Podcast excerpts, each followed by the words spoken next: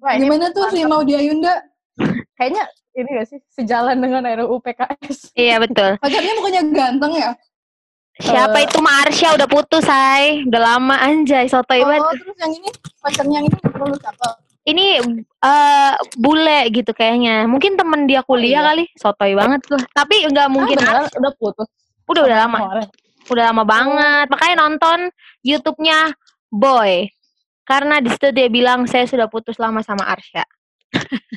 Ya, padahal padahal di Instagramnya tuh kayak ini banget tuh nanti kayak mas, lelaki masa depannya banget gak sih? Enggak sih kalau gue lihat malah Tapi nggak tahu ya. Ya anyway. Begitulah.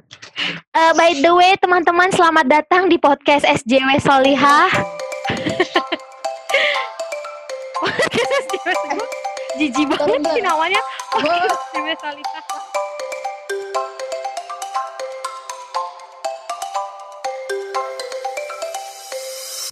Selamat datang di podcast SJW Salehah. Semoga teman-teman yang mendengarkan bisa masuk surga bersama dengan kami.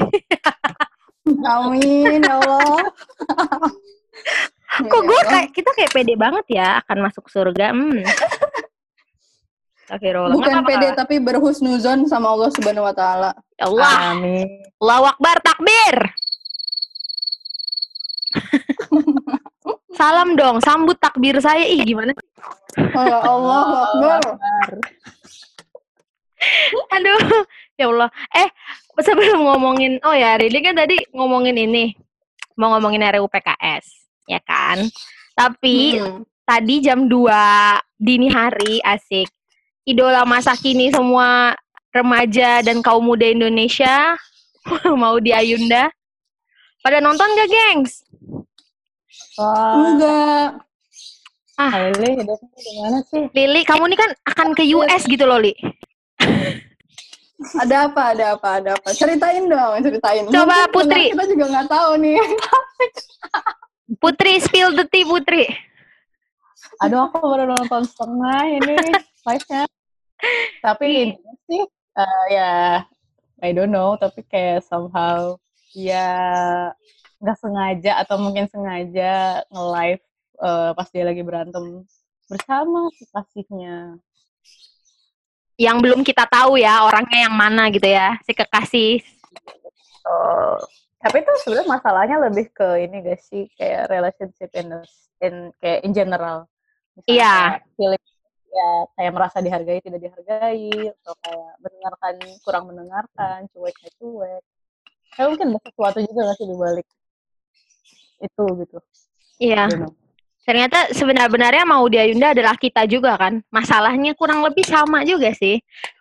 Eh nggak tahu ya kalau Putri sama Lili punya pasangan apa enggak. Jadi can relate or not. Cannot, cannot, cannot. Oke, no. Ken, ken, ken, ken, ken.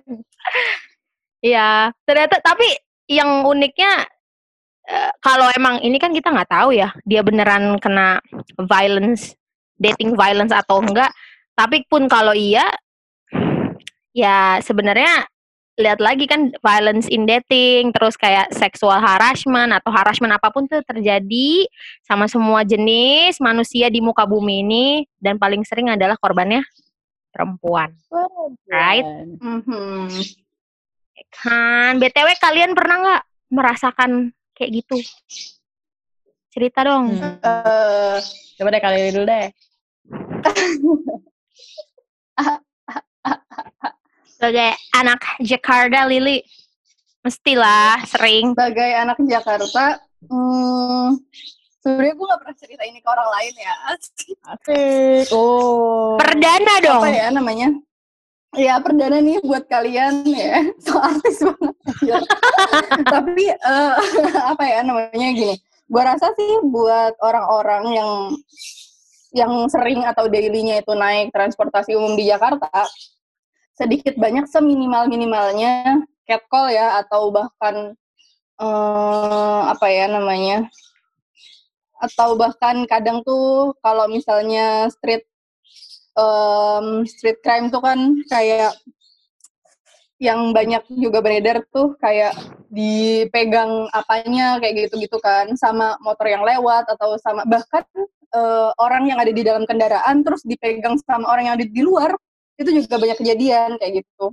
Uh -uh, betul. Dan gue rasa uh, apa ya namanya gue nggak tahu ya datanya tuh uh, gimana maksudnya statistiknya? Tapi itu common sense gue aja. Buat orang yang dulu zaman ngantor di Jakarta tuh tiap hari uh, pulang pergi naik transport Jakarta itu karena emang kondisinya tuh memungkinkan banget itu terjadi gitu loh. Apalagi awareness orang-orang kan juga belum sampai ke arah sana kan.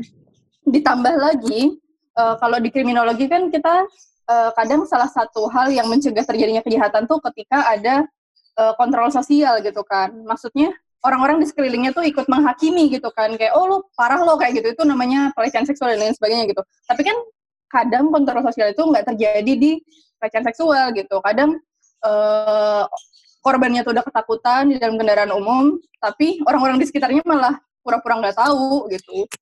Jadi itu udah common banget sih. Dan tanpa gue cerita juga mungkin secara nggak langsung ya gue bilang lah bahwa gue bisa bilang bahwa gue salah satu dari korban itu. Gitu.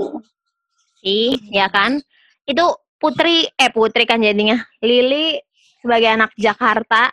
Ya nggak tahu ya kalau Jakarta tuh kan kota besar ya. Tindak kejahatan juga pasti jauh lebih tinggi gue yakin dari daerah-daerah lainnya. Kalau kalau Putri sendiri gimana Put? Yang semasa kuliah dari kecil sampai kuliahnya dulu di mana Put? Gue ya sebenarnya sih ada beberapa kejadian juga sih. Mm -mm. itu uh, terjadi pas di Bengkulu juga terjadi pas di Jakarta gitu kebetulan pas gue kerja. Nah uh -uh. Uh, mungkin dari SMA dulu kali ya yang menurut uh, gue itu paling traumatized gitu. Kayak I think um, it takes like eight years for me to maksudnya finally uh, how many years? Oke. Okay. Eight years. Eight years. Itu kadang ya. Dan itu kadang masih triggering gitu loh. Maksudnya ngerti gak sih kayak kadang tuh ada beberapa hal yang kayak kita nggak tahu tapi kayak masih sometimes masih triggering. Gitu. Kalau itu yang paling worst sih. Jadi tuh dulu tuh ceritanya SMA kan. Mm. Nah, uh, pas malu masuk uh, SMA itu ada kegiatan kayak semacam uh, kegiatan masuk anak baru gitulah pokoknya uh, acaranya malam-malam kan. Uh -uh. Terus ada game-game kayak gitu tutup mata terus kayak ntar kita dibawa ke tempat suatu tempat kita nggak tahu terus ntar mereka ketika ada aba-aba harus harus lari lagi ke lapangan gitu kan. Nah um, kebetulan waktu itu tuh pas gue tutup mata itu kan gue ya agak buka dikit lah misalnya gue pengen tahu gitu kan kayak yang narik gue siapa nih gitu kan. Nah kebetulan uh, yang narik itu adalah um, emang salah satu kayak pembina gitu kayak ya orang di sekolah lah gitu kan. Nah uh, dan dia itu dekat sama keluarga gue jadi tuh kayak ah orang ini kata gue gue ngerasa aman gitu terus kayak udah gue nggak nggak apa-apa gitu kan di ditarik gitu kan laki-laki ya? ya iya terus okay. uh, itu gue kayak I, I think you guys know where it's going jadi itu kayak udah gue ditarik terus kayak pas ketika gue dilepas ya udah gue nunggu dong kayak anak uh, patuh SMP baru masuk SMA ya udah gue diem gitu. Uh. tiba-tiba ya dari belakang um, ya gue dipeluk gitu dari belakang terus kayak kan di kiss gitu. Dan waktu itu gue nggak bisa teriak kayak gue tau gue harus teriak tapi kayak gue nggak bisa dan nge-freeze gitu gak sih kayak kayak ada mm-hmm. duduk nge dan bergetar doang terus kayak ya udah. Terus ketika abah-abahnya dipanggil tuh gue yang lari sekencang-kencangnya ke lapangan nah um, waktu itu tuh gue masih bingung tuh gue nggak tahu harus ngapain kayak beneran blank what should I do next gitu kan. Nah kemudian tuh diumumin kan kayak oke okay, eh, di sini kita akan cari jejak ya malam-malam dan cari jejak itu biasanya kalau di Bengkulu itu di di tempat gue kebetulan kita melewat hutan-hutan gitu karena emang sekolahnya dekat dekat perkebunan kan. Oke. Okay. Creepy banget dong. Karena iya jadi tuh uh, karena gue saking takutnya udah gue pura-pura pingsan tuh karena gue tuh ngebayangin kayak kalau misalnya gue lanjut itu bisa aja gue di di di jalan gitu loh kayak I don't know what's gonna happen kan. Mm -hmm. gitu. Nah itu tuh masih membekas banget sampai gue sampai Gak tau deh sampai sekarang kayaknya masih deh. Dan dan karena dia orang dekat keluarga gue, maksudnya kayak gue juga nggak berani ngomong sama orang rumah kan. Dan dia kadang until until now, until now lo nggak pernah bilang.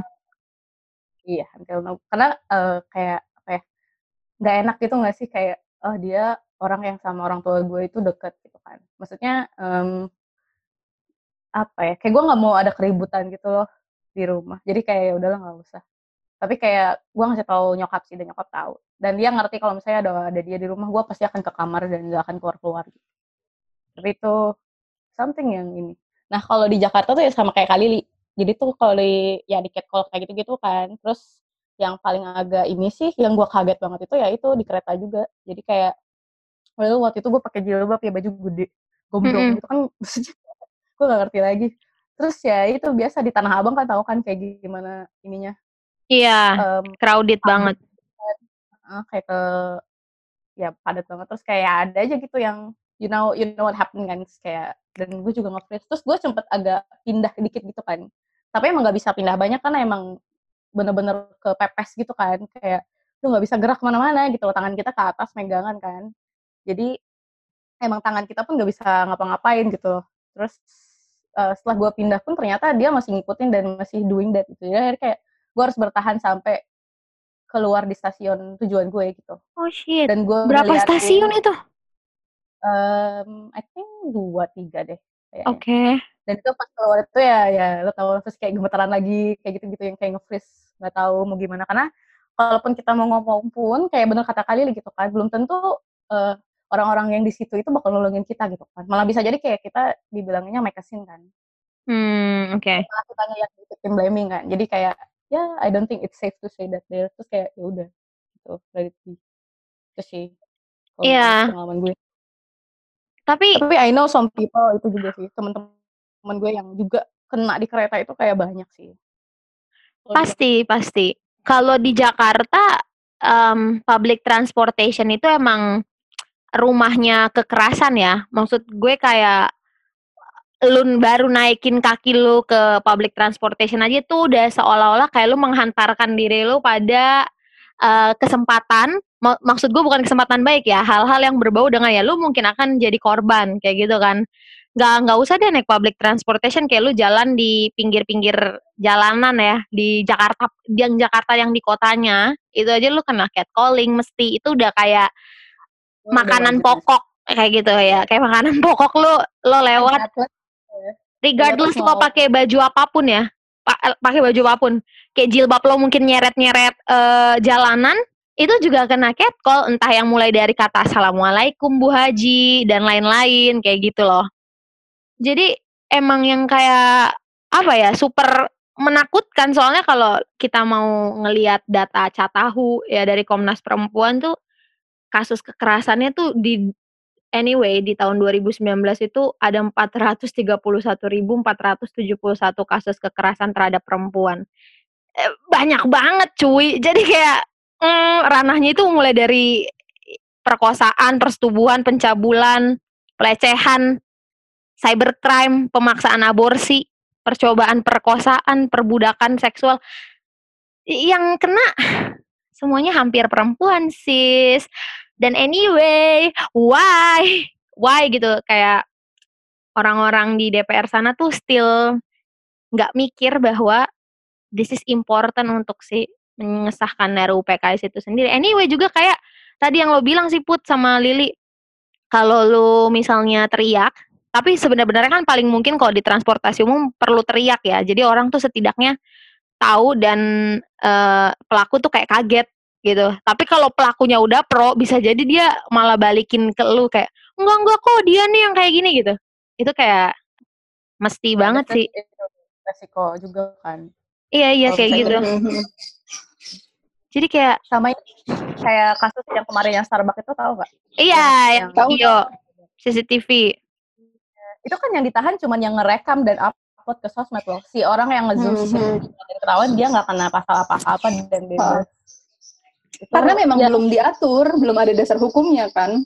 iya betul banget ya maksudnya polisi juga bingung dong mau menjerat pakai pasal apa orang Nah, belum betul. ditahan karena sulit Betul, betul. ditahan. Karena selama ini eh, kalau misalnya ada kasus kekerasan seksual ya, yang di undang-undang kita tuh cuman ada dua, pencabulan sama pemerkosaan. Iya. Nah, coba catcall tuh masuk ke apa? Pencabulan apa pemerkosaan? Terus Nggak kayak ada. kemarin Mm-mm, yang di Starbucks itu masuk ke mana? Pencabulan atau pemerkosaan? Kayak gitu-gitu kan. Banyak Ah, banget kasus-kasus yang pada akhirnya ngegantung cuman karena polisinya bingung. iya dan itu KUHP kita udah dari zaman bahla cuy dari mungkin anak-anak lulusan hukum udah dari lulus tahun berapapun tuh KUHP nggak diganti-ganti nggak diupdate-update yang kayak lu berkiblat dari KUHP zaman Belanda kali gue nggak ngerti yang aturannya Hmm, hmm, hmm, hmm. jadi kayak lucu gitu loh maksudnya kayak kalau lu atur cuman pikirannya oh ya udah perkosaan pencabulan di catcalling ya lu kalau rapor sekarang mungkin mungkin banget itu bakalan Hmm. hahaha mbak cuman di catcalling anggap aja mbak cantik ya kan itu salah satu statement setan ya maksud gue kayak mesti lu digituin Hmm, hmm. Nggak ada sih orang yang mau lapor ke polisi di catcalling tuh nggak akan ada karena dia tahu satu mungkin prosesnya akan jelimet dan nggak akan ada endingnya. Yang kedua victim Mhm. blaming. Jam berapa mbak di catcallingnya? Mbak pakai rok pendek ya? Bajunya ketat. Nah Hmm. kayak gitu. Itu pertanyaan-pertanyaan menyudutkan korban. Hmm. Nah, cuma Din yang menurut gue menarik ya, gini.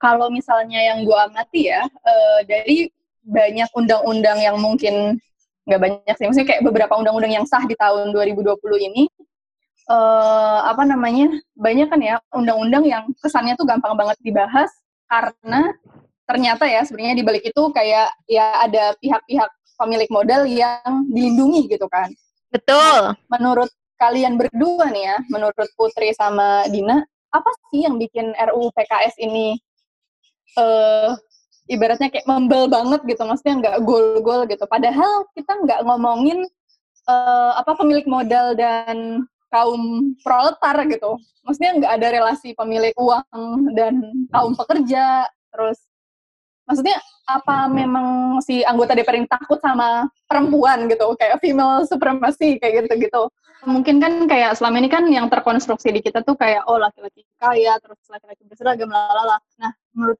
gua stigma-stigma kayak gitu tuh makin bikin laki-laki tuh berada di posisi eh, di atas awan gitu loh kayak wah gimana benar. eh, perempuan tuh akan mudah takluk dan lain sebagainya gitu nah ini tuh mungkin menurut gue ya ter terdengar sepele atau terdengar ini sangat personal gitu kan. Kalau ini kan kisah cinta lo aja jelek gitu atau lo aja nggak mampu dapet cowok eh, tajir gitu kan. Tapi menurut gue ini tuh ber- be- eh, mempengaruhi mempengaruhi eh, bagaimana kemudian relasinya itu jadi nggak setara karena perempuan selalu dianggap sebagai lalu pasti eh, berteku keletut gitu kan dengan laki-laki yang punya segalanya kayak gitu-gitu.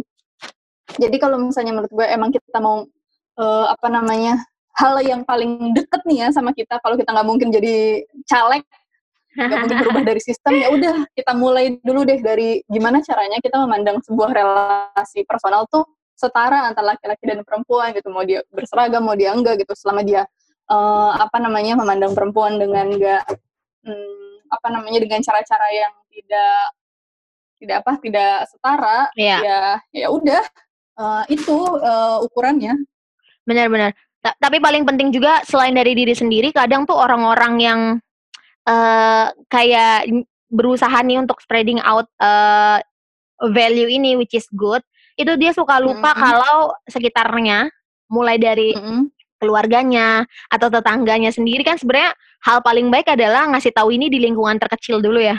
Nah kebanyakan Hmm, hmm, hmm, karena hmm. kita udah aduh aku nggak sanggup deh kayaknya tetangga aku memang patriarki aja gitu nah sebenarnya kan hal Hmm, paling hmm, benar adalah coba dilakukan dari hal terkecil kan atau dari keluarga deh coba kita kayak influence our own parents karena yang paling susah sebenarnya Hmm. orang-orang terdekat kita mau nggak mau gue yakin satu juta persen kayak gue ngomong aja ke ibu gue nih kayak gue pernah kayak aku nggak pengen ini deh nikah muda misalnya kayak gitu. Atau aku nggak pengen nikah deh mak. Astagfirullahalazim gitu. Jadi kayak ngerti you know? Hmm, hmm, hmm, Iya. relate, Pad iya, padahal tuh kan sebenarnya itu dibuka topik untuk kita berdiskusi gitu kan ya. Kayak emang Hmm, kenapa? You don't want to marry gitu kan? Harusnya kan Hmm, muncul pertanyaan itu, tapi kan justru ujung-ujungnya astagfirullahalazim, Mama Rukiah kamu gitu. Jadi kayak itu lucu banget. Ngerti kan? Jadi kayak emang proses hmm, untuk eh, kasih nge-influence orang terdekat itu yang jauh lebih susah Cin daripada orang-orang di luar sana karena mungkin orang-orang yang kita reach out di luar sana dia udah punya sosmed, udah bisa baca buku gitu kan, baca info, statistik. Nah, kalau orang tua kita misalnya yang kaum-kaum dari zaman dahulu kala susah. Banyak kan malah kalau kita hmm, ngomong Astagfirullahalazim kamu nih terlalu udah di sekolahin tinggi-tinggi malah jadi begini. Ya gitu tuh. Itu gue sering banget tuh muncul suara-suara kayak gitu. Yang di mana kayak jadinya kita juga udah bosan sendiri kan. ya udah deh gue udah give up sama uh, my apa namanya environment sama ne- neighborhood karena udah cannot cannot help gitu jadi kayak gitu tapi sebenarnya mungkin kita Hmm. bisa coba dari oh, lingkungan terde- terdekat kita juga itu paling penting sih menurut gue juga li bener Hmm, hmm, hmm, hmm. Kalau menurut Putri gimana Put? Ya, ini eh, karena kita SJW Solehah, gue mau ini dulu. Ingat nggak sih kata Nabi kalau misalnya kita mau ngasih zakat itu pada keluarga yang dekat dulu gitu. Eh, asik Hmm, hmm, hmm, hmm, hmm. asik gue Insya Allah Ukti tidak salah menjadi Ukti. menurut gue iya jadi tuh itu sama aja apa analoginya tuh sama aja gitu loh kayak ini kan kita sebenarnya memberi ilmu ya memberi wa- eh, wawasan wawasan gitu iya kayak gitu jadi kayak kayak emang yang harus ditolong yang harus kita beri kesadaran ya orang-orang yang terdekat kita. Dan itu kan pasti challenge-nya bener kata Kadina itu luar biasa susah. Karena kan mungkin kalau orang lain ngelihat kita kan pasti dari dari apa ya kayak istilahnya ngelihat CV kita gitu. Kayak oh orang ini hebat orang ini ini. Jadi mereka dengerin. Tapi kalau orang-orang terdekat kita tuh kayak ah gue tahu kok dia tidurnya ngorok misalnya kayak gitu. Jadi kayak Hmm, ngapain sih didengerin? Gitu. Jadi kayak eh, itu susah karena emang kitanya juga harus harus apa ya harus menunjukkan bahwa eh, iya loh eh, yang seperti ini tuh terjadi dan seperti ini tuh harus eh, kita ganti mindsetnya gitu bener hmm, hmm, hmm, hmm. bener tapi mungkin kita juga bisa menggunakan platform kita sis kayak Asik. Azik. Maksud gue kayak dia guys. Maksud gue enggak, enggak banyak yang tadi lo bilang nih ya anak-anak muda zaman sekarang nih eh, laki-lakiku eh, berseragam. Kita cuma bisa melakukan Hmm, ini setiap hmm. setahun sekali kalau dia udah balik. Itu kebanyakan di TikTok, cuy. Cuy, Hmm, lo kalau mau lihat ya hmm, ternyata TikTok itu adalah sumber-sumber dari kepatriarkian. Jadi kalau gue lihat nih kayak ya Allah anak-anak TikTok nah mungkin mungkin orang-orang SJW atau aktivis lainnya coba deh lu masuk juga ke platform itu karena kalau kita nggak sentuh kadang-kadang itu jadi parah banget merajalela Hmm, hmm, hmm. Ih, gue sepakat banget tuh. Walaupun gue sepakat bukan setelah ini gue akan bikin akun TikTok.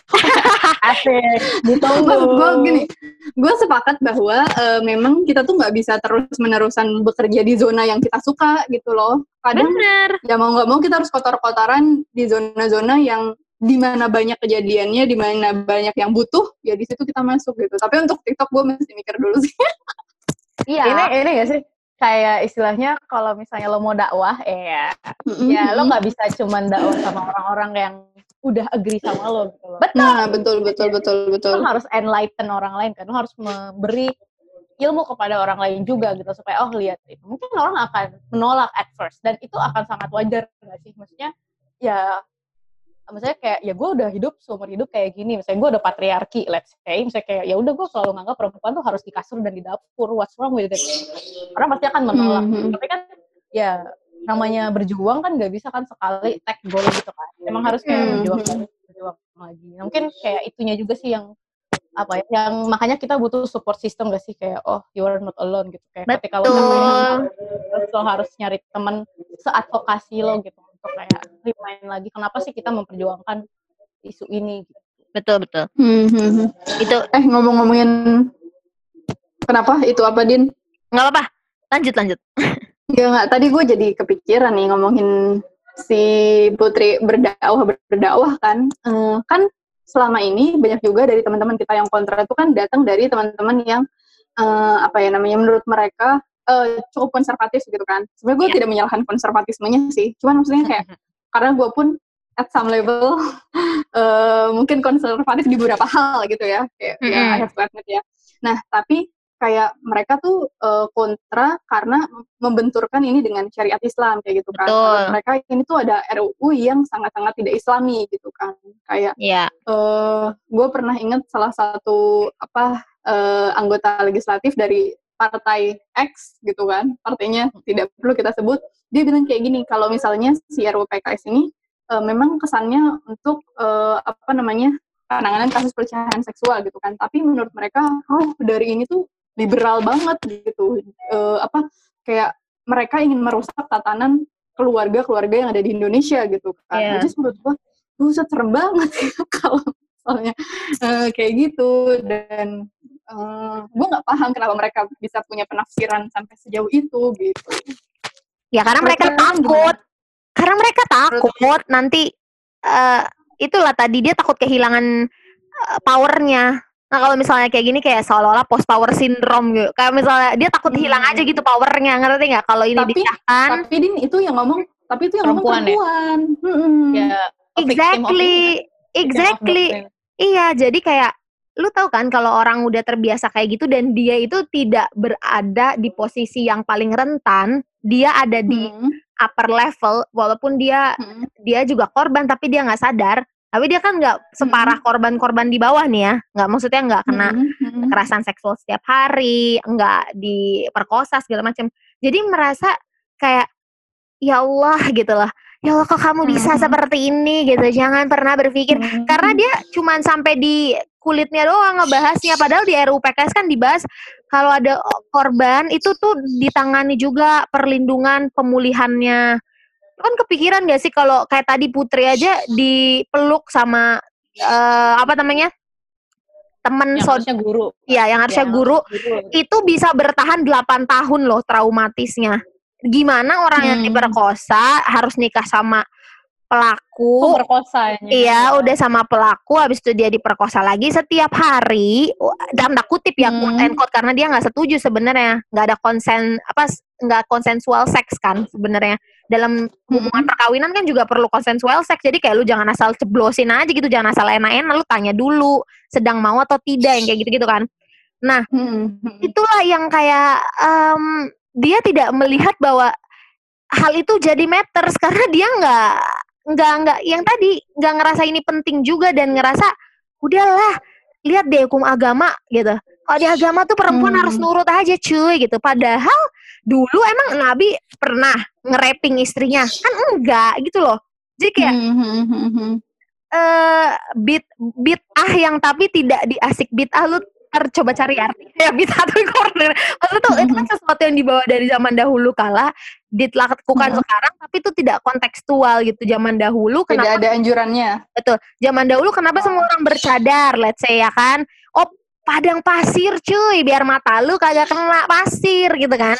Biar muka hmm. lu nggak kena pasir. Kalau zaman sekarang misalnya perempuan ada yang berjilbab terus dia nggak mau pakai cadar karena panas ya itu itu kan eh, balik lagi. Zaman sekarang butuhnya apa? Kalau misalnya dia nggak ngerasa nyaman tapi dia sudah menutup auratnya gitu, let's say. Ya, itu kan masalah personal per orangnya lagi ya. Ya itu jangan dibawa kayak zaman dahulu semua orang pakai cadar. Ya nggak bisa gitu. Zaman dulu konteksnya beda gurun pasir. Kalau di sini lo sampah di kanan kiri pakai yang nyeret-nyeret kan capek juga nyucinya justru bawa bukan bawa kemaslahatan jadi mau bawa mudorot buat lo anjay jadi kurang lebih kayak gitulah hmm. yang gue lihat. Oke, okay. nah kalau tadi Putri mau ngomong apa Put yang victim apa tadi kamu bilang? Kenapa? Oh, um, ini apa? Ya benar, sebenarnya itu relevan sama yang Kadina bilang sih. Jadi itu hmm. um, kan banyak korban yang mer tidak merasa mereka korban karena satu mereka tidak punya pengetahuan akan hal itu. Kedua, karena mereka juga mungkin secara ketika mereka kecil itu terjadi di hmm. keluarganya gitu. Jadi kayak istilahnya um, terbiasa. Iya, seseorang misalnya gini deh let's say si ibu X itu keluarganya juga ada di lingkungan konservatif ya. Hmm. uh, seperti itu gitu loh. Jadi dia menganggap kan keluarganya adalah role modelnya kan. Nggak ada yang salah gitu. Jadi ketika dia di kehidupan pernikahannya di sekolah walaupun dia tidak dia akan merasa ya udah it's okay because my parents also kayak hmm. mungkin mungkin emang harus tidak nyaman gitu. Ngerti gak sih? Kayak hmm. tidak uh, karena mungkin sudah ada apa ya mindset itu dari kecilnya gitu kayak dia trauma juga bukan trauma sih mungkin lebih kayak ya itu terjadi di kehidupan masa kecilnya di seluruh lingkungan keluarganya atau kalau simpelnya mah bilangnya mainnya kurang jauh gitu jadi kayak nggak bisa ngelihat kalau di orang lain tuh gimana gitu. Itulah. I see, I see. Masalah ini bukan hanya persoalan juga DPR yang tidak sahkan itu benar itu juga harusnya gongnya di dia. Tapi juga masyarakat tidak sadar akan urgensi dari ini harus disahkan. Hmm, ya? betul Kayak, betul kenapa aku harus mengesahkan gitu? Padahal kayaknya sekarang fine fine aja kok gitu. Nah dia sekarang udah ter- karena ini uh -uh. karena udah terbiasa karena aja mereka jadi, kayak gitu. Karena belum jadi kesadaran kolektif ya. Kayak Betul. Uh, kita masih belum bisa berempati sama korban, masih kesulitan gitu loh untuk berempati sama korban. Masih cenderung menganggap kayak ah hal itu kayak gitu aja kok berlebihan banget kayak gitu ah hal itu kan biasa dan lain sebagainya. Terus ya kayak mereka tertindas tapi tidak merasa Hmm. mereka tertindas gitu loh. Asik. Itu- ini. itu- Kayak iri. itu yang berbahaya Hmm. soalnya dia Iya. kayak dia victim tapi kan di- apa namanya they are not realizing that sebenarnya dia sama ini jadi victim. Tapi ketika dikasih Hmm. tahu that you are victim dia kayak neglecting no my life is fine I don't feel oppressed gitu. Terus gua nggak ngerasa juga di eh apa ya ditindas dan diperlakukan tidak adil sama pasangan gua atau sama laki-laki atau sama siapa pun orang lain gitu. Jadi karena ketika dikasih tahu ada isu seperti ini ada fakta di lapangan kayak gitu jadi dia kayak no no no no it's not happening eh, di lingkungan gua gitu. Jadi emang harus Mungkin- dari banyak pihak gitu loh. Mm. Kalau bahasa Marxisnya ini mungkin false consciousness ya. Asik, takut banget. Jadi Jangan kesadaran nanti kita semu di gitu. ini loh. Nanti WhatsApp kita dihack loh. Hati-hati. Oh iya, tadi. Nah, tapi maksudnya menarik loh kayak yang tadi bahasanya si Putri bilang eh, bisa jadi sebenarnya dia eh, opres gitu kan, tertindas gitu. Tapi karena ada kesadaran semu itu tadi bahwa dia merasa baik-baik aja karena simply mereka nggak punya pembanding gitu loh. iya iya benar benar Pembanding hidup yang lebih baik itu seperti apa. Jadi ya dia nggak sadar. Itu Atau dunia yang- atau dunia yang ideal tuh seperti apa dia nggak tahu karena selama ini dia udah Nah. pikir ini ideal gitu Nah, betul, betul, betul, betul. Walaupun sebenarnya dunia yang ideal terjadi tuh sangat sulit ya, tapi maksudnya kan ini kita punya planning, right? Nah dia nggak Ya. nggak sampai di situ gitu, karena itulah Ya. orang kalau udah berhenti dan tidak berempati kepada orang lain gitu, hal-hal yang terjadi Mhm. sama orang-orang lain, nggak usah yang di lingkungan setaranya dia aja, tapi kan yang di bawahnya dia juga susah Mhm. jadinya cuy. Ini kayak hilang kemanusiaannya tuh hilang gitu loh. Where's the Mhm. humanity? Hmm, hmm, hmm. Tapi Nyanyi dong, gua inget deh. eh, Michael Jackson. Gitu. Ntar di closing nyanyi Heal the world. Make it a better place Aduh, jelek-jelek nih suara gua. Oke, oke. Oke, tadi Putri mau ngomong apa, Put? Lupa gue mau Oke lah. Gitu Terus? Jadi kita pakai Oke. hashtag jangan lupa Kita harus berisik Eh, apa guys tuh hashtagnya? Hashtag Eh, apa hashtagnya? RUU PKS Hashtag sahkan Oke. RUU PKS Gitu Jangan lupa ya guys, hashtag sahkan RUU PKS. Kalau ini ya, kalau menurut gue, eh enggak deh, ini nanti aja gue taruh di closing ya. Oke, Asik. kita sekarang closing statement aja kali ya, Din. Ya boleh boleh, Boleh, boleh. boleh. Ayo, ayo Kak Dina. Sebagai Ayo, Din, ayo, Din. Eh, Kalau gue sendiri kita kan Ini kan kita manusia yang eh, educated dan kita tahu ada isunya itu terjadi dan gue bahkan gue korban gue adalah korban yang Hmm. dulu dari waktu gue SMP gue sudah mendapatkan kekerasan seksual sama teman sekelas gue sampai empat orang ketika lagi di Hmm. kolam renang gue di grab boobsnya sama mereka dan gue minta tolong sama bapak-bapak di kolam renang dan are they were laughing at me karena itu something yang Hmm. funny gue nggak berani ngomong ke siapa pun karena kalau gue ngomong justru gue akan ditanya siapa aja yang nge-grab boobs kamu dan I didn't remember at all manusia-manusia itu kan Hmm. Nah itu satu victim blaming still happening. So kalau ada RUU PKS ini gue sebenarnya berharap sekali biar nggak ada lagi dina-dina selanjutnya atau orang-orang lain korban-korban lain selanjutnya yang gimana mungkin dia bisa malah jadi bertumbuh dan tidak perlu traumatis gitu loh. Karena gue beruntung sekali bisa punya platform lain untuk menyalurkan ketraumatisan gue dengan lomba dengan apa pun gitu. Sedangkan mungkin teman-teman yang nggak ada di nggak punya platform itu akan bisa jadi gila loh. Atau gimana ya nggak punya nggak punya menuangkan pla- ke mana gitu platformnya nggak ada. Jadi menurut gua kalau kalian emang melihat ini kalian nih manusia yang lain pengen gitu menciptakan setidak-tidaknya keamanan lah untuk sesama untuk perempuan-perempuan juga gunakan platform kita saat ini. Selagi nggak diblokir sis sama orang-orang lain tetap berisik. Karena kalau kita udah diem aja itu bahaya banget. Karena kalau kata Dante Azik Dante Alighieri bilang gini, neraka terdalam dan tergelap hanya diperuntukkan bagi mereka yang bertahan dan bersikap netral di saat uh, krisis sosial. Anjay, itu sih. Hmm, Oke. Luar biasa. Oke. Hashtag sahkan RUU PKS. Tetap ya hashtagnya. Oke. Kalau dari Putri gimana Put? Gue copy paste. September. gue juga deh copy paste.